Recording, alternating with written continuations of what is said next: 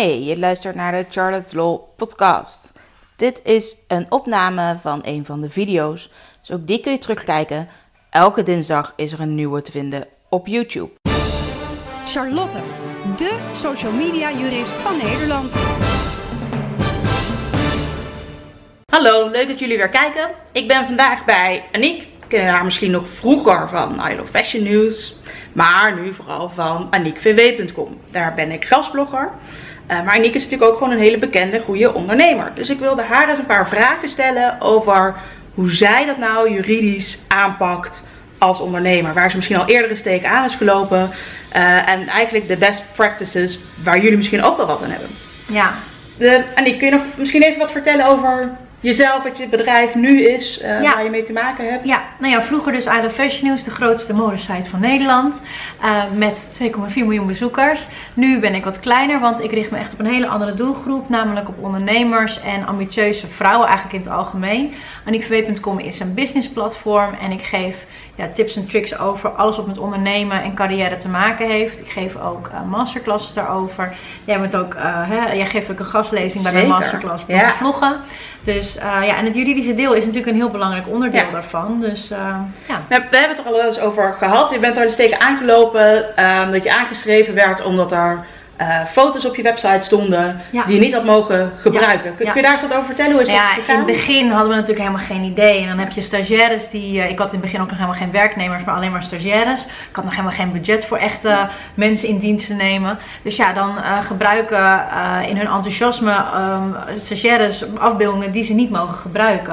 Het is gewoon heel belangrijk dat je beelden gebruikt die rechtenvrij zijn. Of waar je toestemming van hebt. Ehm, dus ja, en dat ging wel eens mis in het begin. Ja. En hoe heb je dat opgelost?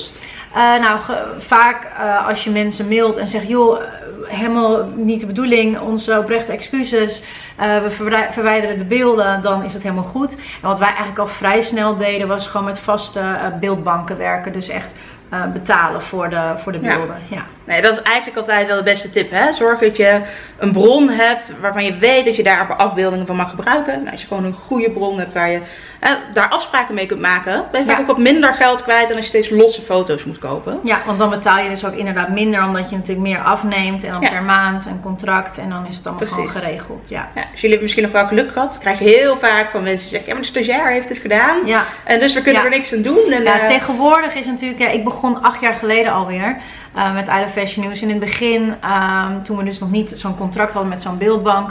eh, ja, weet je, het was natuurlijk zo'n andere wereld. Je kan het je nu niet meer voorstellen, maar het was nog zo'n in de, ja, in de kinderfase, zeg maar. In de, hè, de kinderschoenen. Dus ik, ik ja, toen is het go- goed, uitge, heeft het goed Ja. uitgepakt. En uiteindelijk hebben we vrij snel toen besloten om ja, echt daar budgetvrij voor te maken. En eh, ja, daar voor de zekerheid een potje, Ja, mocht ja. het misgaan. Nou nee, eh, meer gewoon eh, budget voor vrij te maken om gewoon echt Oh, die beelden te, betalen. Ja, om echt de beelden te betalen. En hoe doe je dat bijvoorbeeld nu met gastbloggers? Die leveren misschien ook wel eens afbeeldingen aan. Ja. Ja, ik vraag altijd, eh, ik maak ook ge- eh, vaak gebruik van quotes, dus dan is dat gewoon de afbeelding. En als de eh, gastblogger een afbeelding uploadt, vraag ik altijd van, hè, is die eh, van jou? Mag ik, heb, je hem ergens vandaan? En soms dan komen, kom ik erachter dat het toch niet Ja. rechtenvrij is. En dan maak, ik, ja, maak ik er een quoteje van. Uit de tekst haal ik die dan en dan gebruik ik dat als afbeelding. Eh, of, een, of een rechtenvrij eh, Ja. eh, stok website waar je gewoon beelden mag gebruiken. Ja. Heel goed. En als we het nou toch hebben over samenwerkingen. Maak je afspraken? Hoe regel je Ja, dat nou ja, soort zaken? zoals eh, jij, hè, gastblogger, ik ehm, maak een mail en dan zet ik daarin wat ik verwacht van diegene en wat diegene van mij kan verwachten. En dat gaat verder niet met handtekeningen, maar gewoon met een akkoord. Eh, ook met adverteerders doe ik dat. Ik zet het op mail en dan eh, laat ik een stukje open waar de, eh, de adverteerder akkoord kan typen. Daarna stuur ik een factuur en dan wordt die betaald. En daarna gaat pas het online, zeg maar, wat er is afgesproken. Dus er wordt bij mij altijd eerst betaald en dan pas gaat de campagne online. Ja, Nou ja, dat is een goede manier om je incassorisico te beperken in elk geval. Ja. Maar doe je het altijd zo eenvoudig? Altijd per e-mail? Ja. Of zorg je ook wel eens Ja, nou, je- ik heb natuurlijk eh, eh, met grotere bedrijven, eh, even los van de advertenties, maar bijvoorbeeld een hostingbedrijf of voor websites te maken of dat soort dingen. Eh, of, nou ja, ik, ik moet even denken wat we nog meer. Maar ik heb echt mappen vol met allemaal contracten. zeker in de loop der jaren. En dan is er vaak een bedrijf die heeft een contract. Wat belangrijk is om goed na te lezen. Ja, het is natuurlijk Ja. echt een inkoppertje, maar dat is wel echt heel belangrijk.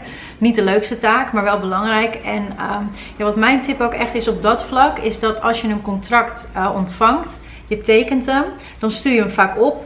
En op een gegeven moment krijg je dat contract nooit meer getekend Nee. terug van de tegenpartij. En dan heb jij het wel getekend, maar je hebt natuurlijk wel een handtekening nodig van die andere partij. Dus wat ik altijd doe, is eigenlijk alle contracten die eh, ik nog niet retour heb gekregen en contracten die aflopen, dat zet ik in mijn agenda. Krijg ik een eh, reminder van. En zo vergeet ik eigenlijk nooit dat er een contract of retour moet komen of dat een contract afloopt, zodat je weer nieuwe afspraken Precies. kan maken. En je doet dus ook eigenlijk nog niks voordat je zeker weet dat dat contract getekend terug is gekomen. nee, nou zijn er heus wel eens uitzonderingen dat je denkt, nou ja, goed, het zal wel goed komen.